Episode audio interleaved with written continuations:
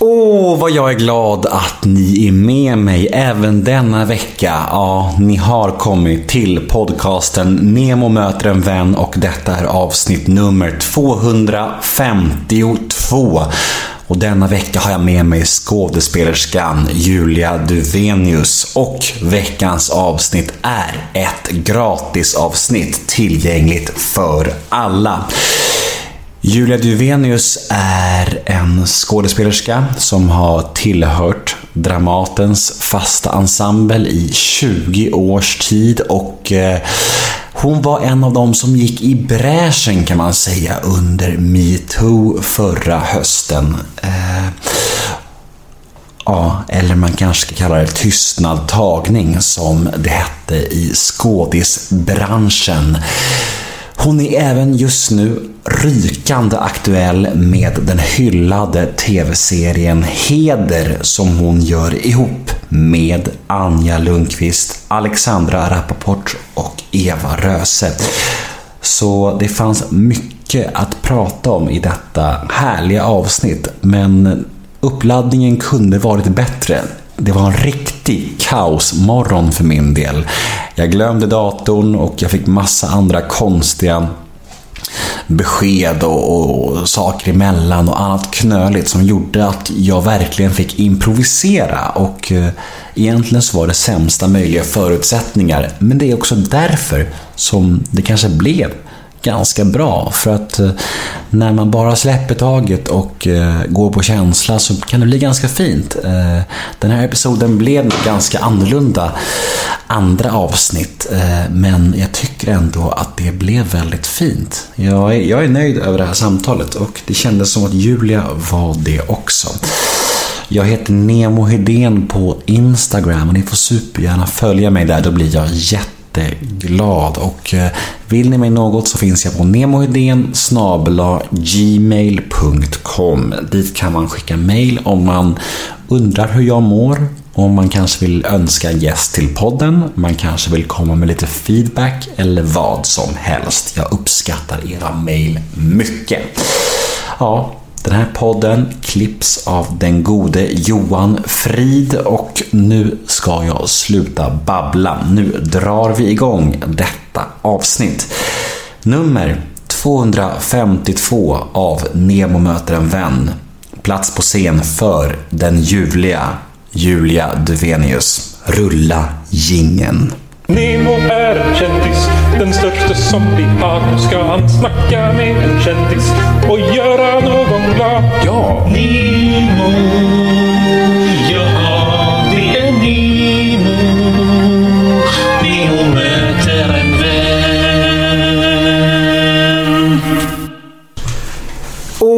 Jag är glad att ni är med mig även denna vecka. Ja, ni har kommit till podcasten Nemo möter en vän och detta är avsnitt nummer 252. Och denna vecka har jag med mig skådespelerskan Julia Duvenius och veckans avsnitt är ett gratisavsnitt tillgängligt för alla. Julia Duvenius är en skådespelerska som har tillhört Dramatens fasta ensemble i 20 års tid och eh, hon var en av dem som gick i bräschen kan man säga under metoo förra hösten. Eh, ja, eller man kanske ska kalla det tystnadtagning som det hette i skådisbranschen. Hon är även just nu rykande aktuell med den hyllade TV-serien Heder som hon gör ihop med Anja Lundqvist, Alexandra Rappaport och Eva Röse. Så det fanns mycket att prata om i detta härliga avsnitt, men uppladdningen kunde varit bättre. Det var en riktig kaosmorgon för min del.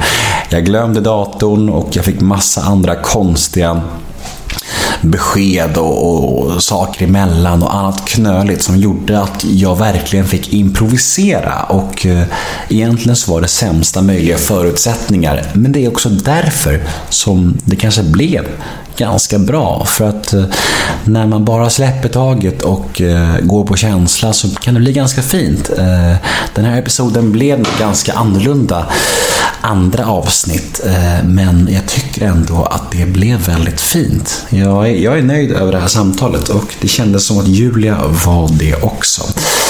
Jag heter Nemo Hedén på Instagram och ni får supergärna följa mig där, då blir jag jätteglad. Och eh, vill ni mig något så finns jag på nemohedén gmail.com. Dit kan man skicka mail om man undrar hur jag mår, om man kanske vill önska en gäst till podden, man kanske vill komma med lite feedback eller vad som helst. Jag uppskattar era mail mycket. Ja, den här podden klipps av den gode Johan Frid och nu ska jag sluta babbla. Nu drar vi igång detta avsnitt. Nummer 252 av Nemo möter en vän. Plats på scen för den ljuvliga Julia Duvenius. Rulla gingen. Nemo är en kändis, den största som vi har. Nu ska han snacka med en kändis och göra någon glad. Ja, Nemo, ja det är Nemo. Nemo möter en vän. Nemo möter en vän med Julia Duvenius. Som sitter med en protein bar i munnen va? Hej, vad kul att vara här. Jag skulle bara få upp blodsockret lite. Det är helt okej. Jag, kan, eh, jag kan börja. Gärna. Ja, så får du chansen att äta klart. Eh, Jag skrev en liten text här på mobilen för att jag fick sån panik på vägen hit. Jag, jag ska berätta varför. Jag ska vara fullständigt transparent med dig och mina lyssnare just nu. Jag har haft morgonen från helvetet med min lilla tvååring och min gravida flickvän. Så först efter att ha tagit en tvååring till förskolan och har bäddat, bäddat ner min eh, flickvän som bara spyr nu. Hon bara spyr och spyr och spyr. Eh, så blev jag väldigt sen hit. Eh, Men du var så fin och sa att det gick bra att köra en halvtimme senare än sagt. Eh, Så när jag till slut fick lite ensamtid satte jag mig och gjorde klart intervjun på datorn, så här, eh, min sista research. Så när jag väl kom på tunnelbanan så messade eh, den här presskvinnan mig och skrev så här. Visst sa jag till dig att Julia helst inte har liknande frågor som i Värvet? Jag har inte fått den informationen förrän på tunnelbanan hit. Och jag bara, okej, jag har inte hört den intervjun. Jag har gjort min research på andra ställen. Jag bara, nej, nej, nej, nej. Och så kollade jag efter min dator. Då har jag glömt datorn också. I all den här stressen. Vilken underbar morgon. Ja, alltså du vet. Så jag bara satte mig hit och bara mm, mådde piss och tänkte, vad fan ska jag göra? Det är bäst att vara helt ärlig. Och liknande grejer har hänt förut, att man har kaosmånader. Och, och fått improvisera helt. Och det har gått ganska bra. Så jag tänker så här, du får bestämma vad vi ska prata om idag. Men wow. Vilken fin ärlighet. Ja, Ja. jag tänker att ärlighet är väl det viktigaste. Istället för att sitta här och låtsas som att allt är i sin ordning. Ja, ja men vad bra. Jag, jag, ehm, ja, vad ska vi prata om? Helt ärligt så är jag lite trött på min egen röst. Och på hela mig. Jag tycker jag bara pratar och pratar och pratar. Så min dröm är att, få, att vi får samtala med varandra. Ja, Ja. men det kan vi väl göra. Ja. Ehm, vad heter det? Du har en dotter som är tonåring. Mm, hon, hon är 19, ja, precis, hon är 19. min Snart, snart klar med tonåren. Ja, snart klar. Ja. Och så en, en son som är 13 som precis har klivit in i tonåren. Mm. Eh, och ehm, det, är en, det är en liten ny tid som börjar nu. Mm. Min dotter tog studenten i våras. Och eh, men vad fan, hon är ju vuxen. Mm. Vi är ju tre vuxna hemma. Och en tonåring då. Men som inte alls beter sig tonårigt utan är jävligt skön att hänga med. Mm. Ja, lite tröttare och lite disträ kanske. När man för femte dagen i rad säger så här, men du, nycklarna? Ja, jag har. Och så får man ett samtal när man är på jobbet eller ett möte eller en intervju. Bara, Mamma, jag är utelåst. Jag bara, men människa, där. Den där, den där zombie liksom hjärnan som delvis är. Sen är det jätteattending på många andra sätt. Men tonårstiden tycker jag är så spännande. Jag som är småbarnsförälder bävar ju inför det. Jag tänker att det kommer innebära så himla mycket oro och, eh, och sådär. Och jag tror de flesta tänker väl så. Hur har du varit med tonårsbarn? Har du varit orolig eller hur funkar det? Jätteorolig, bitvis inte så mycket för henne. Ibland så har det varit så här, fan jag får inte komma in, jag får inte vara med. Eh, och det är ju helt naturligt att man inte får det som förälder. Men jag bestämde mig ganska tidigt för att jag ska fan, är det någon grej jag ska göra så är det att ha kommunikation. Så vi, jag har alltid smsat min dotter mycket, framförallt när det har varit som bökigast eller hon har varit som mest trött på mig och, och sådär. Alltid skrivit så här, ha en fin dag, fan vad fin du var när du gick hemifrån. Att verkligen foka på, på det positiva och fina, även när man kanske inte alltid vill det. När man känner att man är lite sårad och lite arg.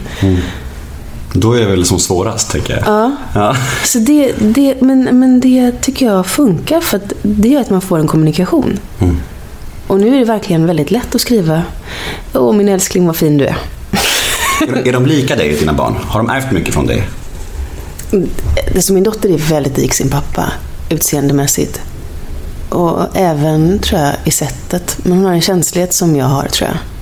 Min son är delvis jättelik mig. Ja, det de, de är lika oss båda tror jag. Det är roligt för att jag är uppvuxen med, med en ensamstående mamma till stor del. Och sen så har jag fyra mostrar och två systrar. Så för mig att få en son var ju så här, nej men det här vet jag inte hur man gör. Det hade lite panik för det. Tänkte, tänk, tänk om jag inte kan tycka om en, ett pojkbarn. Det kommer ju verkligen på skam väldigt fort. För förälskelsen fanns ju där från första stund. Men märkligt, jag, jag har alltid tänkt mig som en flickmamma. Liksom. Mm. För några minuter sedan så sa du att du var trött på din röst. Ja. Eh, Hur... eh, Och sitter jag och babblar och babblar och Nej babblar. men du är ändå här. Det, det, det får du verkligen göra. Jag älskar när du babblar. Det, Vad härligt. Ja, du får babbla hur mycket du vill. Men, men jag tänker ändå, du sitter här. Mm. Varför sitter du här om du egentligen inte vill? Alltså e- egentligen så är det ju så att det här har vi planerat ett tag du och jag. Och jag visste inte hur mycket jag skulle prata om mig själv fram till idag. Jag skulle egentligen vilja ha hela din livshistoria. Jag skulle vilja lyssna på allting du har att säga. När det blir obalans i lyssnande och pratande och ehm, det, det är också så mycket kring min, eller det blir det när man intervjuas kring ens person. Och det är helt fine. Men det är mycket lättare att berätta om sig själv eller sitt liv eller sina åsikter och tankar i ett samtal. Och jag tycker om, som jag sa, att ha balans i lyssning och pratning.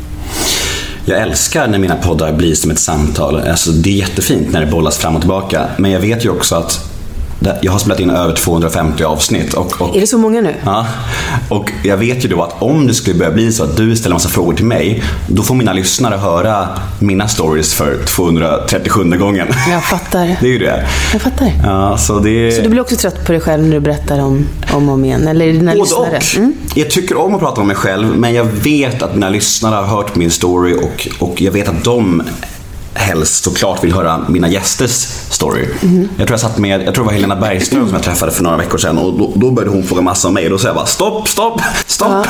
För att liksom, jag vet att jag kommer få några mail från människor som bara Ja men vi har hört dina historier, vi tycker om det mycket men fokusera på gästen och jag vill också det liksom. Ja, jag är jag fattar. supernyfiken på dig. Så jag sitter bara ett tyst krig, vem ska prata? Mm, exakt, exakt. Men, men vad har du för relation till intervjuer annars? Och uh, tycker det är svårt med den här balansgången med hur mycket du vill bjuda på och eh, hur eh, mycket som är liksom privacy? Eh, nej, egentligen inte. Jag, eftersom, men eftersom jag har varit lite i turbulens nu med Dramaten och allting så kan jag känna att eh, jag använder mig själv väldigt mycket som bollplank och jag har också tvingats indirekt eller direkt hänga ut både strukturer och delvis personer. Och det tycker jag inte är så kul. Sen så gjorde jag ett val, att jag tyckte att jag skulle verkligen vara tvungen att göra det. Men när vi hamnar där om och om igen så kan jag tycka att det blir plågsamt för att det inte handlar om bara mig. Och mina barn och jag, vi har ju pratat igenom jättemycket vad de tycker är privat och vad som inte är privat. Och det är olika. Min dotter är extremt medveten om att alla bilder som tas kommer ligga på nätet för alltid. Så hon är ju supernoga. Min son är noga med att jag vill veta och visa mig gärna först, men han är inte så känslig för det. Han bryr sig inte så mycket om det. Vi lever ju i en tid där man får tänka på sånt. Så att privat, ja... Nej, jag tycker det är känsligt när jag riskerar att göra andra illa. Har det varit någon gång där dina barn säger så här Mamma, måste du ta så mycket ställning? Måste du liksom synas så mycket överallt? Att de tyckte det var jobbigt att du kanske var, tog så mycket ställning? Nej, men det har de nog tyckt varit väldigt bra. Sen så när det har varit, när det blivit sån här verkligen stormbyar så att säga, så kan de säga så här, men nu får du släppa det här. Och det har de ju rätt i, men det är inte så lätt när man står i stormen och, och släppa och inte läsa och inte ha koll. Liksom. Så det har ju tagit väldigt mycket tid från deras liv till stormen eller premiären eller engagemanget. Liksom. Det, det, det, drömmen hade varit att kunna bara stänga av och säga att nej men, nej men nu bryr jag mig inte om det där längre. Nu tar vi paus. Men jag funkar inte så. Var det någon gång under när det stormade som värst du kände så här, fan, borde jag gjort det här ändå?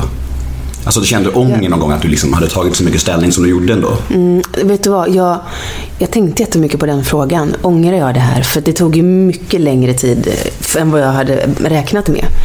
För mig, i min hjärna och mitt system. Och, och mm, det tog upp en del andra intressen och lusten och allting. Liksom. Men den här frågan har, har jag ju haft så länge. Inte just det här specifika fallet eller det som hände just då. Men det har varit liknande saker eller liknande inställning och en konstnärlig hierarki som har varit väldigt beklämmande bitvis. Och med tanke på det, den ilskan och det raseriet jag har haft när jag plötsligt fick syn på hur mycket av min energi och min lust och min kreativitet, utvecklingspotential. Jag bara har gett bort av rädsla eller att inte orka ta en konflikt eller att det kostar mer än det. Då kände jag så här, nej, äntligen. I allt det här, var det ofta du kände ilska mot andra människor som inte vågade ta lika mycket ställning som du? Nej, inte de som inte vågade det, för det har jag full förståelse för. Jag, jag är privilegierad, jag har en fast tjänst. Jag, jag har flera plattformar utanför teatern där min ekonomi är säkrad. Liksom. Och det är ju inte så för alla. Så det har jag full både respekt och förståelse för. Däremot de som börjar ifrågasätta, var det verkligen så it takes two to tango, bla bla bla. Det har jag väldigt lite empati för. Och väldigt... ehm, mm, nej, det köper jag inte. Det, för där har jag, och, där, och varför jag blir, reagerar så starkt är förmodligen för att jag själv har varit där. Svalt historia, ja men så enkelt var det inte. Och så har man börjat så ett frö eh, bara på rykten eller spekulation. Och där kan jag bli, tycker jag att den mänskliga hjärnan är så skör. Vi är så lätt påverkade på något sätt. Och det är svårt att stå för rätt och fel. Vad är rätt tillvägagångssätt och hur ska man göra då? Du, eh, vi kan ju prata lite om eh, de grejer som du ändå är aktuella med. Ja. För det är ju kul, tänker jag, Det är roligt. för dig. Det är Eh, Och det ska vara kul för dig. Ja, men det är kul för mig. Det är, jag älskar samtal. Ja. Så det är inte det att jag, att jag inte vill vara här, utan Nej. det är att jag är lite trött. Vad bra, då släpper min nervositet. För Ja, jag, ja. jag satt där på tunnelbanan bara. Allt går emot mig och nu kommer jag också göra en usel intervju. Det kommer inte hända. Nej. Och är det uselt så är det för att jag inte är med.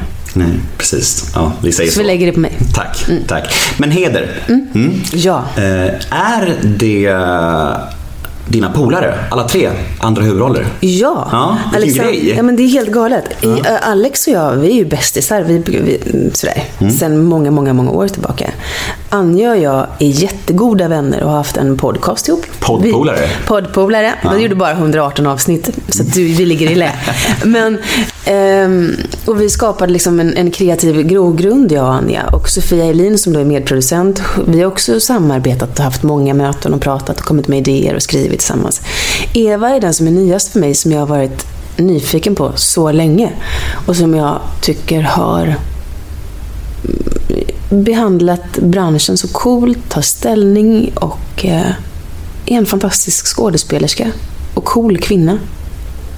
Så, att, så att jag, alltså hon, hon är inte en gammal vän, men någon som jag vetat om länge och som jag har varit väldigt, väldigt nyfiken på. Och att jobba med sina polare, det är ju klart skitriskabelt. Fan vad läskigt. Så jag och Alex tog det samtalet tidigt, för vi har inte jobbat ihop ett eget projekt. Jag och Anja hade ju prövat lite med podden och allt möjligt, så vi hade ju lite bättre koll på varandra. Och jag och Alexandra har jobbat på, på scen när någon annan bestämmer och så. Så vi sa det att om detta påverkar vår vänskap i negativ bemärkelse så, så måste vi göra en prioritering att vår vänskap är viktigare. Då får vi backa på något sätt. Mm. Men berätta om Heder då. Hur kom det projektet igång och eh, vad handlar det om? Och sälj in det nu rejält. Oh my god. Jo, alltså, är det hisspitchen eller är det den långa Det versionen? är helt upp till dig. Oh my god. Gud vad jobbig du är nu. nej men den långa versionen är att vi har längtat så mycket efter andra berättelser där, där, där man får se flera kvinnor åt gången helt enkelt. Och, man, och där vi kan identifiera oss som som kvinnor. Vad är, som, som på, på sätt sen, det här var en jättedålig pitch. Herregud så dåligt. Nu stängde alla av. Vi tar hisspitch- hisspitchen. Den Vad handlar om... självkritisk du är. Nej, men där kände jag att jag, jag, jag, jag, jag, jag, jag älskar att prata om det temat. Men det är, det är, inte, det är inte en säljpitch liksom. Okej, ja, det Ja. bestäm du. Ja. Ja. Ehm, det handlar om fyra målsägande beträden som har en advokatbyrå som heter Heder. Där de jobbar för de svaga i samhället mestadels. Och eh, de är ganska olika de profiler, de här fyra som har det här kontoret ihop. En är VD, tar beslut. En är jättebra massmedialt. En är jätteduktig på datorer. En är smart och har ingångar in i polisväsendet. Och de har ett gemensamt förflutet ihop. Och de tar sig an ett fall som är lite shady. De får ingen rätsida på vad som är rätt och fel, sant och falskt. Och eh, i och med att de börjar ta sig an det här caset så får de hot på sig. Ganska grova hot. Och blir rädda på riktigt. Samtidigt som deras förflutna börjar jaga kapp dem. Och då är det för sent att hoppa av. Där dras vi in liksom i thriller, bowlingklotet i thrillern. Ehm, Jag tror att det här var en ganska bra pitch. Ja, men den var ganska bra. Ja. ja. Ska vi stanna där då? Alltså jag är helt såld för att jag, eh, jag har ju precis sett klart eh, Bron. Ja. Alltså, sist på bollen i hela världen då såklart. Eh, Det är du och min guddotter, hon sitter också och kollar Bron och bara, det är så bra. Ja men det är helt sjukt. Det är så sjukt när man ser en serie som alla andra har sett tidigare och man själv har typ så varit lite motstånd mot det för att alla ser på det. Och så bara ser man det så bara, är är det så bra som alla säger? Och då blir- känner man sig så fånig. Jag vet. Eh, och, Jag vet. Och den är ju fantastisk såklart. Och när du, med, med din pitch där och att Sofia Helin är eh, co-producer. Mm. Jag, är, jag, jag är såld. Ja, men vad, vad, Jag ska kolla. blir. Jag ska kolla. Vad glad jag blir. Ja, bra. För dig vill jag också nå. Jag tycker det ska bli så kul framförallt att höra vad killar tycker om det här. Och det är väl, eh, om jag har förstått rätt, är det premiär den 30 augusti på Viaplay. Jajamän. Och sen på TV3 senare. Mm. Perfekt. Ja, grymt. Du, eh, när jag satt där på tunnelbanan och mådde piss över det här så, så försökte jag ändå komma på så här. Om det blir stelt, nu, Ja. det här är ju inte stelt, det här är ju Nej. fantastiskt trevligt. Men om, eh, om det nu är brist på ämnen så ska jag komma på ett nytt grepp här. Att jag säger lite... Så jag är försökskanin här nu då? Ja, bra. Det här är ett helt nytt grepp i podden alltså. Eh, och jag ska säga jag kan säga ett namn eller ett ord eller någonting och så ska du bara säga vad du, eh, vad du känner då. vad du tänker på. Det kan vara några ord eller du kan få ha längre utläggningar. Jag kanske kommer med följdfrågor, kanske inte. Nej, ja. Är du med? Ja, jag är med. Feghet. Beige och ångestladdat. Mod. Det är rött och... ehm, eh, kraftfullt. Vem är den modigaste personen du vet? Wow. Det är nog, det är nog alla barn som går till skolan fast de är rädda och känner sig utanför och ändå gör det. Alla föräldrar som lotsar fram och går bredvid. Utseende. Komplicerat. Svårt. Jag, eh, här, här kanske kommer en lite längre utläggning då. Jag har alltid tänkt så här att åldras, det är bara kul. Och det är jättekul att åldras, men det är inte jättekul.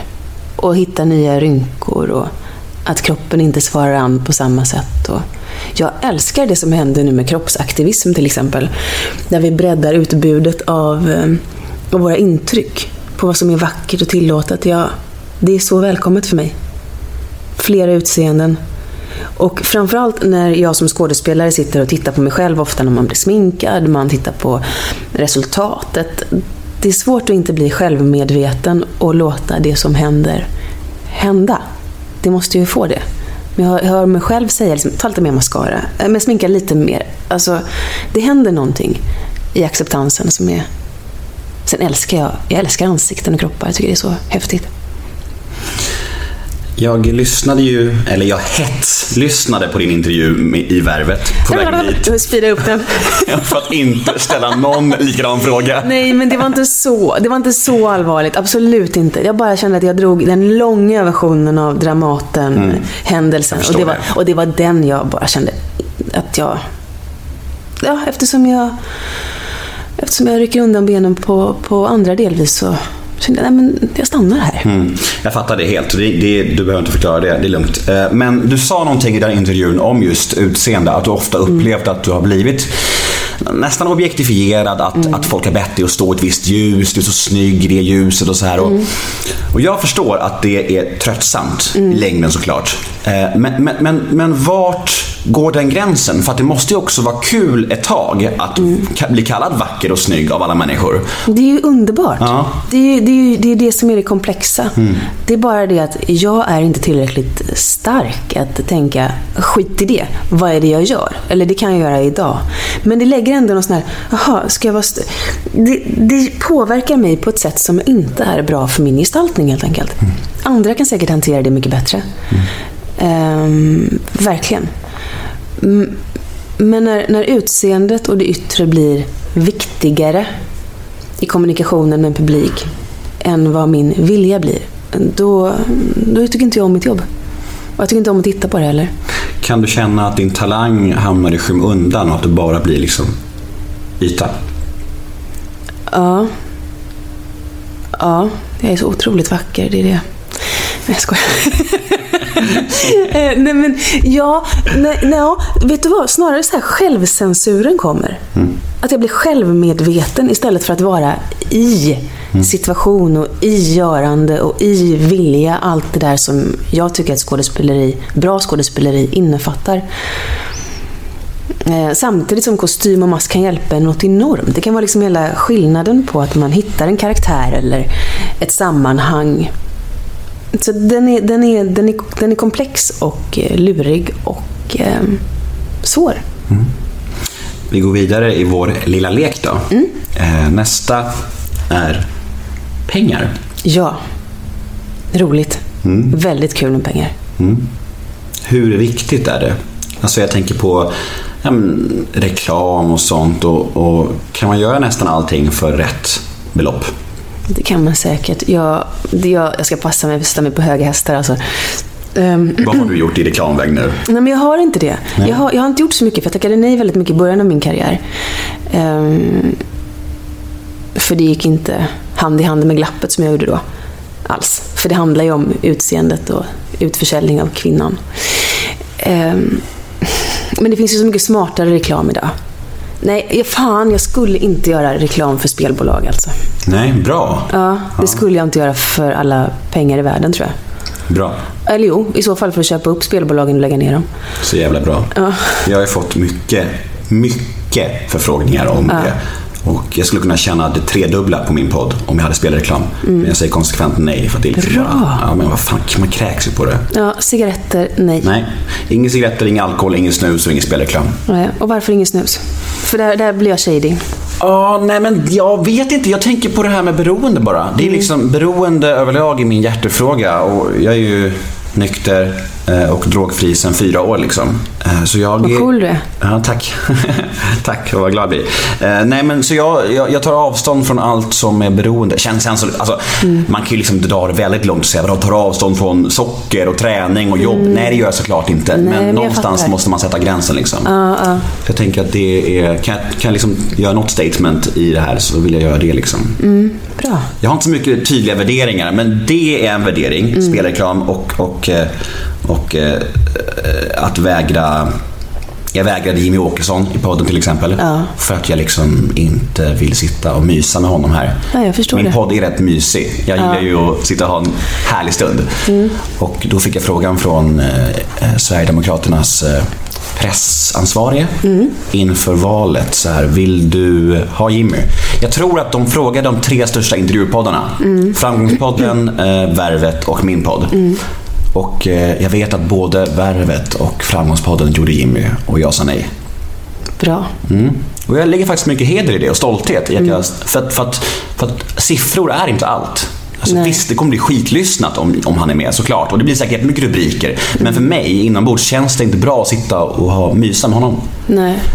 Nej, jag fattar det. Mm. Så spelreklam, spelreklam och Sverigedemokraterna går bort. Nej, Men jag är helt på din linje. Fan vad ense vi är. Och Bra. alkohol också för den delen. Bra. Och cigaretter. Bra. Nästa eh, ord slash namn på min lilla, lilla lista här är Benny Fredriksson. Ja, aj. Smärtsamt. Jättetufft. Jag tänker mycket på honom och på allt det som hände då. Och... ehm, nej, det gör ont i mitt hjärta. Det känns komplicerat. Mm. Svårt att prata om antar jag. Jag, jag, var inte på stats, jag har ju inte varit på Stadsteatern. Jag har inte varit en av de som varit närmast honom. Jag har inte jobbat riktigt under hans ledning mer än en kort, kort tid på min praktik. I hans övergångsfas. Jag har alltid haft trevliga möten med honom. Um,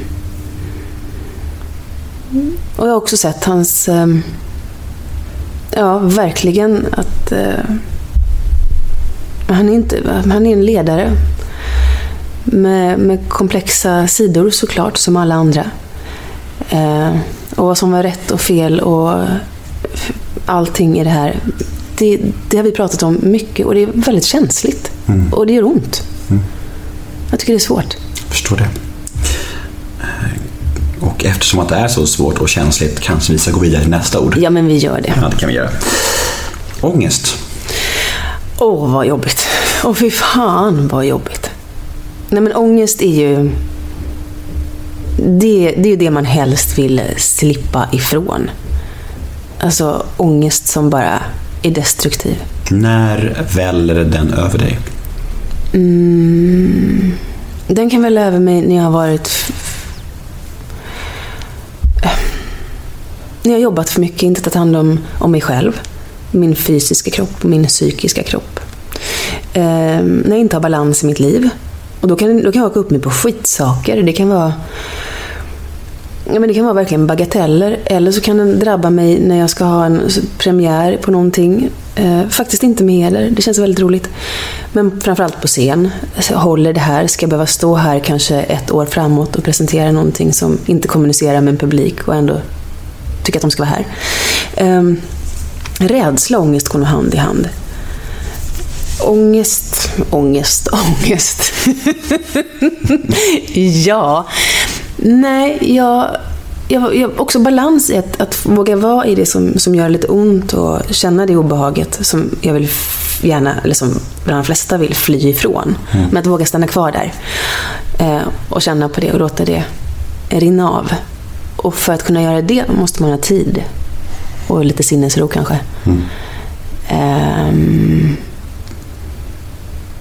Ehm, Har du något knep mot ångest? Ja, ganska många. Men mitt bästa, jag är väldigt dålig på att skaffa rutiner. Alltså skitdålig. Det är min svåraste gren. Men jag har en rutin och det är att jag går varje dag. Jag försöker gå till alla möten. Nu gick jag inte hit för jag hann inte det. Jag hade för mycket grejer att göra i morse. Men att jag går minst en till två timmar om dagen.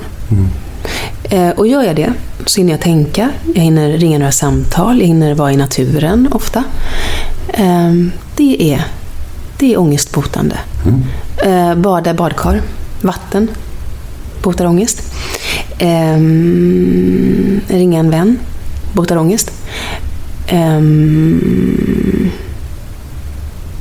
och ibland att vara i ångesten. Yin-yoga är ju fantastiskt. Bra. Vad gör, du, vad gör du för att bota ångest? Du måste ju ha haft en del ångest. Eller? Ja, eh, jag är relativt ångestbefriad sedan några år tillbaka för att jag eh, tar hand om mig själv mycket idag. Men, men förr var det ju katastrof. Och mycket av det du nämner har hjälpt mig också och hjälper mig än idag. Alltså promenader, vända mig utåt, eh, bada badkar. Bada badkar är ju det bästa som finns. Det är magiskt. Ja, och framförallt nästan med, med små, små barn. Jag badar varje dag med min tvååring. Aj, liksom vår heliga stund. Det är så jävla mysigt alltså. Så vi brukar så här skrubba in varann, tvåla in varann. Det är så jävla fint. Det är, Ja, så här, det är mysigt. Ja, men när man sitter där med sin lilla tvååring, då är det verkligen som att ingenting annat betyder någonting. Allt bara stannar där ute. Mm. Allt det här meningslösa, likes och skit och bekräftelse och ytlighet. Och Mm. Det är bara på hold liksom. Men kan du bli hög av uppmärksamhet? Eh, ja, absolut. Vad gör du då? Nej, men då blir det jobbigt efter. Och Det är ju liksom, jag kan tänka mig att du kan relatera där. Att, att när jag, jag har kört den här podden live eh, fem, sex gånger. Och då kommer liksom så här 200 lyssnare och för att se mig och några gäster på en scen. Och det är ju sån, alltså, det är sån euforirus och liknar ingenting. Folk som verkligen tycker om mig och, och, och, du vet, så här, och man får så mycket kärlek. Sen, sen när man ska somna på kvällen så är det ju dels omöjligt att somna. Men sen så är det också så här en tomhet. eh, Som är svår att hantera tycker jag. Känner du igen det? Verkligen. Mm. Verkligen. Hur gör ni med den tomheten? Alltså, för ni måste ju uppleva den ganska ofta tänker jag på teatern och så här. Ja, ja. ehm, Framförallt med vissa van. grejer. Men man blir lite van. Ja. Jag, jag hade liksom en grej när jag gjorde Glappet redan. Jag kände att det fanns någonting livsfarligt för just mig i den uppmärksamheten som blev kring det jag gjorde och kring min person. Jag kände att här är jävligt skönt att vara. Lite över alla andra. Och samtidigt så var det någonting, även i min unga person, som sa det här är inte helt bra. För det finns bara en väg och det är liksom ner. Och det kommer göra ont. Den ekvationen, jag vet inte när jag gjorde den, men jag gjorde den. Så jag har liksom varit väldigt rädd för att bli sådär euforisk eller tänka wow, nu är det jag, jag, jag.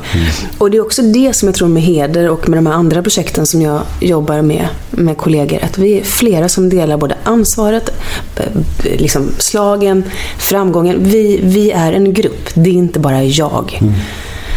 Och det är väldigt, väldigt skönt. För det är ju så att det är likadant med droger eller vad som helst som ger ett Rus. stort euforirus.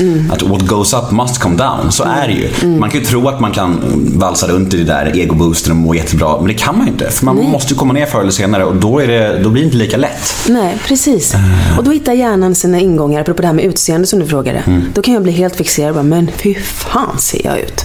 Alltså, då, då kan jag bli helt besatt av självhat. Och det kan landa både där, eller åh gud varför sa jag det? Tycker den om mig så? Alltså det blir någon paranoia över det som jag är väldigt obekväm med. Vilka projekt är det just nu annars då, förutom Heder? Heder, ja det är ju mycket heder då. Det är så jävla tråkigt, jag kan ju inte säga. Ja, såklart. Det är så skittrist. Men jag, ska, jag, ska, jag har mina många författare som jag läser in mycket av, alltid deras böcker. Det ska jag göra. Och sen så hoppas jag på en Heder 2. Vi pratar om det och jobbar för det. Och det handlar om hur den mottas, eller antar jag? Jag antar det, eller det handlar om att kanalen ska ta ett beslut och via Play då. Och det gör den baserat på eh, views? Jag antar det. Ja. Läskigt. Ja, det är läskigt. Ja. Det är lite läskigt. Mm. Nästa ord då i min lilla lista här. Ja. Eller nästa namn. Ja, Örjan Ramberg. skådespelare. All right. Eh, missbruk. Eh, oerhörd respekt för missbruk. Eh, jag tycker det är läskigt. Inte för att jag har något missbruk. Men jag kan ju känna... Jag, jag är väldigt rädd för... Som du hör, jag kalibrerar mig själv ganska mycket. Och, och lyssnar på var jag befinner mig. För jag tror att jag skulle vara en sån. Om jag skulle prova knark. Skulle jag tycka om det. Så skulle jag bli så beroende tror jag. Eller vad, vad det nu skulle kunna vara. Ehm, så missbruk, ehm, läskigt och jag känner en jätterespekt för alla som tar sig ur sina missbruk och jobbar med sig själva. Barndom. Det är så stort ord. Det första som kom upp i mitt huvud var mina barns barndom. Vad, vad ska de gå i terapi för? Nej men det är intressant. Hur är din barndom kontra dina barns? Har du en sån här mall i ditt huvud vad du vill ta med och vad du inte vill ta med och så här, eller? Ja, det kanske jag hade, men det blev ju helt tvärtom. Jag har alltid sett mig själv som en ensamstående mamma eftersom mamma var ensam. Eh, och sen har jag väl varit, apropå det här med pengar då, att jag verkligen inte har velat bli ensamstående och, och inte ha några pengar. Det verkar vara fruktansvärt. Så det har varit så här, dit ska jag inte. Men jag gifte mig ju och har varit ihop med min man sedan 98 och det är 21 år. Otroligt. Eller hur? Hur är fan helt- gör ni? Berätta. Vi bråkar. Vi bråkar och mycket terapi har vi gått i och ehm, kommunikation. Och sen så har vi jobbat på olika ställen ganska mycket. Jag undrar ibland ifall det kanske är väldigt bra. Så man får längta lite. Längta framförallt bygga sig själv. För, för, att, för att man stör sig ju på någon om man inte mår så bra själv eller är stressad och någon är i vägen och kräver din uppmärksamhet. Det är, ju- det är ju som en grogrund för irritation. Och vi tar ju ganska mycket plats båda två. Och barnen också. Hur blir du i ett bråk med din man? Jag har ju lite olika ansikten här då. då. Ehm, Jag blir... eh, Jag blir nog väldigt riktad. Jag blir... Tilde, min dotter, säger Mamma, du är så läskig när du är Du blir sån isdrottning. Jag, jag kan förstå det, för jag kan bli sylvass. Ganska oskön, tror jag. Eh, väldigt eh, välformulerad. Eh, och då handlar det inte för mig om att kanske må bra, utan om att vinna. Det blir ett ställningskrig typ. Ja, så Det, det har väl vi jobbat mycket med, att vi inte ska ha det ställningskriget då. Men som igår så skulle vi iväg på en sak, jag och sonen och Stoffe. Och så tog jag och vid en annan väg, så Stoffe kom efter. Och så, så ringde jag, var är du någonstans? Jag är här nere, men ni, ni, bara, ni, bara, ni bara gick ju. Och här har man ju kört er. Vet, jag började så här lite, så jag bara, men du, kliar den mycket den där offer- offerkoftan? Och då skrattar vi liksom. Men, men det är väldigt olikt honom. Han brukar inte vara sån. Men vem, eh, alltså när ni hamnar i ett bråk, vem är det som ber om ursäkt? Numera är det nog ganska jämnt. Förut skulle jag säga att det var han. Det låter som att du har varit ganska knepig att leva med. Tycker du det? Ja. Ja, Det säger han också. Alltså det är bara baserat på Ja. vad du säger nu. ja, nej men jag tror att jag... Jag, men jag, jag är dubbel där också. Jag är också väldigt, väldigt snäll. Jag tycker snällhet är så viktigt. Och så är jag snäll och så är jag snäll och så plötsligt börjar någon vänja sig vid det. Ja, men här är ju skönt att vara. Fan vad gött. Och så bara, men jag, jag anstränger mig, men det gör ju inte du. Där finns det någon form av vägg liksom. Snällhet är fan underskattat. Det är så underskattat. Jag älskar snällhet. Ja. Det är såna grejer som man tyckte, alltså jag tyckte ju förut när jag levde i mitt hårda rock'n'roll-liv och tyckte jag var coolast i världen och höll på att döda mig själv. Tänkte Mm. att snälla människor är det tråkigaste som finns. Alltså en ko är snäll, jag vill inte vara en ko. Exakt så. Ja. Och, jag, och, och jag, jag tänkte lite som du när man var ung och det skulle vara så här lite hårt och man gillade var lite fascinerad av det svarta och det tunga och det trasiga. Liksom. Idag är jag väldigt ofascinerad av det trasiga. Jag känner att jag längtar till det ljusa och hela. Men jag läste en, en intervju med Ola Rapace för ett tag sedan. Där rubriken var att, eh, att det fulaste ord jag vet är nöjdhet. Jag tänkte, gud vad vi är olika. Tänk att få vara nöjd. Vad man strävar åt olika håll. Mm, verkligen. Men det är ju så intressant det där, för att mycket av det jag tyckte var liksom töntigast i världen när jag var yngre, när jag var typ så här 18, 20, 22 år och, och, och levde det här livet. Mycket av det älskar ju jag idag. Alltså det är så här, jag vill bara ha förutsägbarhet. Jag vill bara liksom må bra, ha lugn och ro och så här. Och liksom så här, hade någon sagt det till mig för tio år sedan så hade jag ju bara så här spottat människan i ansiktet typ. Och bara så här, det, det där var töntigast. Tönt, tönt, du vet. Så. Det är så skönt att man kan förändras. Det är underbart, jag älskar förändring. Det ska jag säga, det tänker jag är en skillnad på när jag växte upp och psykologin som var på 80-talet, den var ju ganska grund och lite märklig. Jag läste, jag läste en del 80-talslitteratur. Mm, Ja, det är tveksamt ibland kan jag säga. Och, och där någonstans så ingick i den kulturen att saker och ting går inte att förändra. Du är född med det här och du kan jobba utifrån de förutsättningarna men det går inte att förändra saker. Där har jag varit jättenoga med mina barn. Om de har sagt att jag, jag tycker det här är jobbigt, ja, men då går vi rakt in i det. Då tar vi tag i det. Då försöker vi förändra det. Ja, men det går inte. Det går visst att förändra. Men det är ju det tröttaste uttrycket man vet, är ju Mm. när någon säger om en annan människa, men han bara är sån, hon bara är sån. Nej, nej, nej, nej. Folk behöver inte vara sån. Man Nej. kan ju förändras. Ja. Att bara liksom acceptera att man är på ett visst sätt, det är liksom, det är så jävla deppigt och fel på något sätt. Ja. Ja, usch. Nej. Men jag håller med dig. Vi, vi, vi är så eniga här. Ja. Hoppas det inte blir tröttsamt enigt här. Nej men okej, ska vi vara lite konflikter? Jag ska hitta någonting som vi Ja. kan tjafsa om snart. Bra. Eh, Nästa ord slash namn är Ingmar Bergman. Och också komplicerad. Vilka komplicerade namn du tar.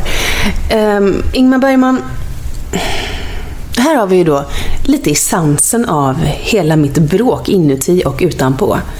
Han har gjort fantastiska saker för kulturen, för Sverige på kartan. Han var en urcharmig och jättekul telefonpolare. Han var erfaren, han var generös med sin erfarenhet. Men han gjorde också väldigt många människor väldigt illa. Han hade en extremt stor makt, vilket gjorde att människor förhöll sig till honom. Alla, tror jag. Jag tror faktiskt inte jag skulle tro på någon som sa att de inte förhöll sig till honom. Eh, och han använde den makten ganska hårt. Både genom att hissa och dissa. Han blev lite allsmäktig. Han hade ju sig liksom inom teater, tv, film, allt. Mm. och det här tycker jag är liksom nästa debatt i Tystnad tagning och metoo och hela balletten. Hur gör man då med alla de positiva minnena man har av någon som har gjort illa? Ska jag, ska jag förkasta dem eller ska jag hålla dem för mig själv? Är det okej okay att säga att det har varit bra också? Om jag ser det andra? Hur gör jag om, om du är bästis med någon som har gjort mig illa?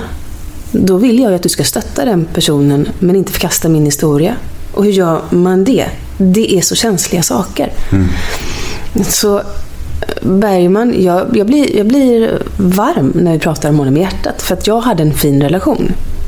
Men jag är mycket skeptisk till att ha Bergmanfestivaler där vi hyllar och säger att det var vägen att gå. När det fortfarande finns människor som har väldigt tuffa och traumatiska minnen av honom. Mm. Men jag tänker att det ena behöver ju inte utesluta det andra och det är väl det vi måste lära oss också för att det mm. blir så himla svart eller vitt. Ja. Framförallt under när, när metoo var som, när det var som stormade som mest kring allting. Då var det väldigt svart och vitt med allt liksom. Och jag tror att ju mer distans vi får till den hösten så kommer vi ju kunna mm. hitta nyans mer och mer. För att mm. det är klart vi inte ska Alltså ta bort det fina bara för att en människa gör dåliga saker också. Det blir askonstigt. Mm. Det är ungefär som att jag vill inte sluta konsumera, eh, så vi säger Michael Jacksons musik. Jag, mm. alltså, hans musik har betytt jättemycket för mig. Mm. Jag har ett porträtt på Michael Jackson på ryggen. Mm. Alltså, det är låtar som har räddat mitt liv. Liksom. Ska jag bara sluta lyssna på det för att han var en jävla, om han nu var en pedofil, vilket vi inte mm. vet, men han kanske var det. Och det är ju fruktansvärt, såklart på alla sätt. Men jag, tänk, jag kan inte sluta lyssna på hans musik. Det kan, det kan jag inte. Då går jag sönder liksom. Och det är det jag menar. Jag tycker man måste kunna hålla isär det också. Alltså folk personer och deras verk. Mm. Men det är, det är skitsvåra frågor alltså. Det är så svårt och jag håller med dig. Jag... Eh... Sen så märker jag att jag, jag diggar inte Michael Jackson. Jag, jag får en liten så spänning i kroppen när jag hör musiken. Det är inte så här som förut. Man bara wow! Mm. Det, det, kommer en tanke. Mm. Jag tyckte de här dokumentärerna var fantastiska. Eh, Living Neverland. Och jag tror fullständigt på de här personerna. Men han gjorde bra musik. Mm. Det som blir svårt är ju alla som säger att att de bara ljuger, han är god. Alltså den här polariseringen som mm. blir i när, när, vi ska gissa. Mm. Men jag, jag, jag, har, du, har du sett den? Mm. Vad känner ja. du i ditt hjärta? alltså, det är så svårt. Alltså, som... som eh... Alltså jag, första känslan mm. när jag såg den var ju att jag var övertygad om att han var skyldig såklart. Mm. Sen så såg jag hundra stycken eh, bakom dokumentärer, läste på om de här killarna och gjorde mycket, mycket, mycket research. Och, och, och då var jag mer skeptisk till, till sanningshalten i det. Liksom, mm. eh, på grund av att de var så djupt skuldsatta. Och det var mycket sådana grejer som fick mig att tänka så här, aha, ja, man vet så lite. Liksom. Så jag mm. är, är ödmjuk inför, liksom, inför hur det är, inför mm. sanningen. Mm. Eh, den skakade mig såklart. Och, och min syn på Michael Jackson är ju för alltid förändrad såklart. Men. Men jag har bestämt mig för att inte sluta älska hans musik. Mm. Eh, men där är vi ju alla olika och vi, och, och vi får inte vara för snabba med att döma andra heller, tänker jag. Det är så lätt att säga så här: du är dum om du lyssnar på Michael Jackson. Liksom. Vad fan, det är väl upp till var och en. Liksom. Verkligen. Jag, jag, jag är nog ganska enig igen. Det är bra. Ja. Jag, jag gillar när, när folk håller med ja. mig. Ja, bra, då går vi vidare. Ja, det är perfekt. Eh, nästa ord slash namn i min lilla lista mm. är Sissi Wallin. Mm. Cool. Mm. Banbrytande, ställningstagande, brinnande. Radikal. För radikal? Alltså, som, som du sa, jag håller inte med om allt. Men kampen ska ju fram. Sen så tillvägagångssättet kan jag ibland tänka, ja. Eller, oh, hur vågar hon? Eller, nu gick det lite för långt. Men kampen är jag helt med på. Bra. Vad ska vi ta? Vi tar Eirik Stubo. Erik Stubbe. ehm. mm, nu blir jag väldigt tyst. Jag vet inte riktigt vad jag ska säga. Säg någonting. Ehm. teaterregissör. Vad får du för känsla när du hör namnet?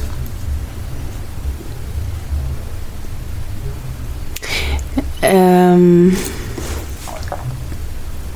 jag får många känslor. Man kan ju ha väldigt, väldigt trevligt med Erik Stubbe. När man är nära honom så, eller nära, när man har ett samtal med honom så är man ju oerhört sedd och väldigt upplyft. Ehm, sen har jag varit väldigt, väldigt arg på honom. Men nu har han inte den makten så nu har inte så mycket att vara arg på längre. Men Eh, ja, Men nu är vi där igen. Det här med att man, man kan ju faktiskt känna två olika Saker, känslor ja. om en människa. Det man får man göra liksom. ja. Och sen så har jag ju en väldigt bestämd uppfattning vad en bra ledare ska ha för egenskaper. Och, och enligt min mall så har ju han inte dem då. Ehm. och sen så... Ibland tänker jag, och det är, inte, det är inte mot alla män. Det finns kvinnor också, verkligen. Men det finns vissa som verkligen inte förstår vad som har varit problemet och fortfarande är problemet i, i ojämställdhet och hur man ser på människors olika värde. Och det har jag väldigt lite respekt för. Mm. Mm. Nästa på listan är Stjärnorna på slottet. Ja. Oj, så skoj. Väldigt roligt. Fantastiskt kul.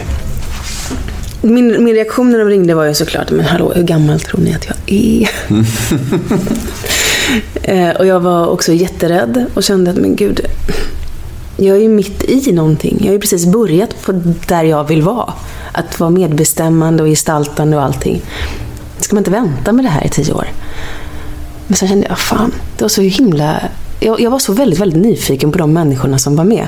Måns Möller, Dragomir Mirsic-Gago, eh, Björn Kjellman och Pernilla Wahlgren. Det är en bra uppställning alltså. Ja, men det är det. Det är det. Så att jag... Jag var liksom oerhört pepp på deras dagar och få lyssna på dem. Och sen, apropå det som vi pratar om, att få sitta fyra personer och lyssna på den femte personen. Där den är i centrum. Där man verkligen får en människas berättelse. Och där alla går in för att lyssna och när man berättar så berättar man. Och eh, Tarek Taylor som lagar mat tre gånger om dagen. Alltså, på riktigt. Det var som ett vuxenkollo. Det hade så jävla kul. Och det är väl inspelat nu och syns, sänds i höst va? Ja, det sänds inte förrän till jul. Aha, pass. Ja. Men var inspelningen som du hade tänkt dig? Men Alltså, ibland är jag lite innan. Nej, men ibland är jag helt naiv. Jag hade inte tänkt mig så mycket. Nej. Det var som när jag började scenskolan. Jag skulle in på scenskolan. Sen så när jag fick så här, scenframställning, vad fan gör man då? Alltså, jag hade ingen föreställning om vad det var. Det var ett huvudämne på scenskolan. Mm. Där man lär sig att gestalta. Jag var så här, "Ha, var det så här? Det var lite samma grej. Mm. Jag, jag, jag, ehm, Du gick bara in som ett blankt papper. ja, Mm. med, men med kanske en förhoppning om att få komma de här personerna nära. Mm. Det var det var väl mitt mål. Men nu har det ju varit en ny eh, chef på Dramaten i hur många månader?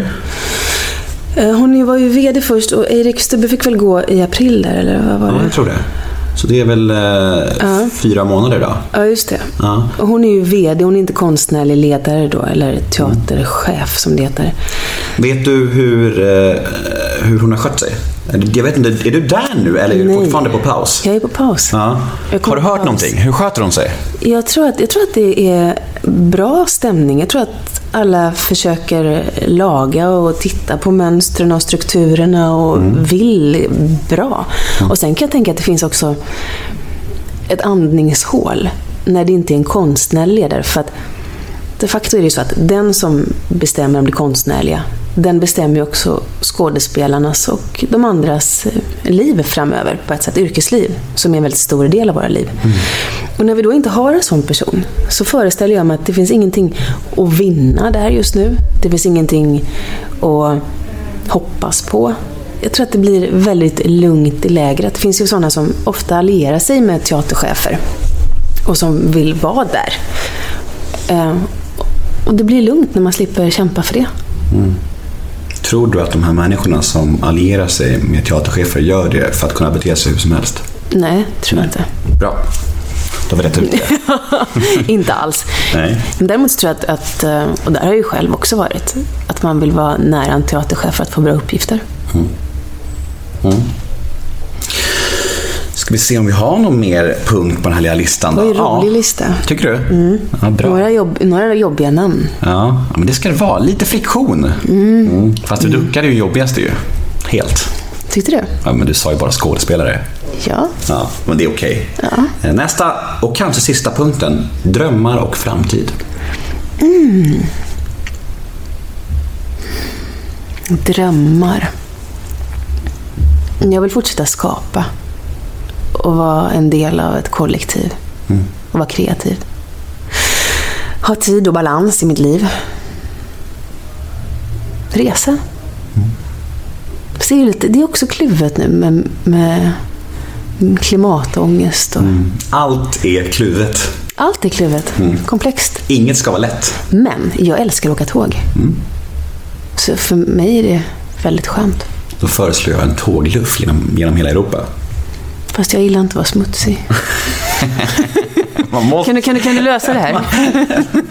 Återigen, kluvenheten. Man måste inte vara smutsig för att man tågluffar. Du kan ju lyxtågluffa. Kan man? Ja, Hur, kan du berätta för mig hur man gör det? För det skulle jag gärna göra. Jag tror inte tågluffa innebär det som först kommer i ens huvud, att man ska bo i tält och så här. Jag tror bara att det, ordet är att man åker runt liksom och besöker många städer. Så du kan ju lika gärna bo på hotell i varje stad. Men så ska man åka tåg. Vet, vet du vad jag ser framför mig? Så här, tovigt, lite flottigt hår, eh, en smutsig ryggsäck. Så här, jag, jag, och jag, jag är ju så här livrädd för bedbugs och sånt där. Dra på mig ohyra. Va? Det är skräck. Så jag skulle förmodligen sitta så här i plastmundering med en liten hård väska i knät och titta på alla som om de vore livsfarliga. Nej, men tågluff. Nej, okej. Ja, ja. ja, ja, Jag försökte hjälpa dig där med Ja. din klimatångest, men det gick Ja. sådär. ja, men alltså... Ja, jag får fundera på den. Du, eh, nu har vi ändå suttit nästan en timme. Wow. Ja. Vad bra vi skötte oss, eh, trots förutsättningarna. Det är kanon. Ja. Så trevligt. Verkligen. Ja. Har du något du vill eh, tillägga som eh, sista slutvisdomsord innan vi tackar för oss? Var snäll. Eller hur? Ja. ja. Och titta på heder. Såklart. Ja. Tack. ja Var snäll och titta på heder. Så att det blir en säsong två. Ja. Hjälp till med det. Ja. Eh, tack så mycket för att du var så fin med min försening och för att du eh, var så fin i den här intervjun. Tack för att du var så fin. Hej Och ärlig. äsch då, äsch då. Hej då! Hej då!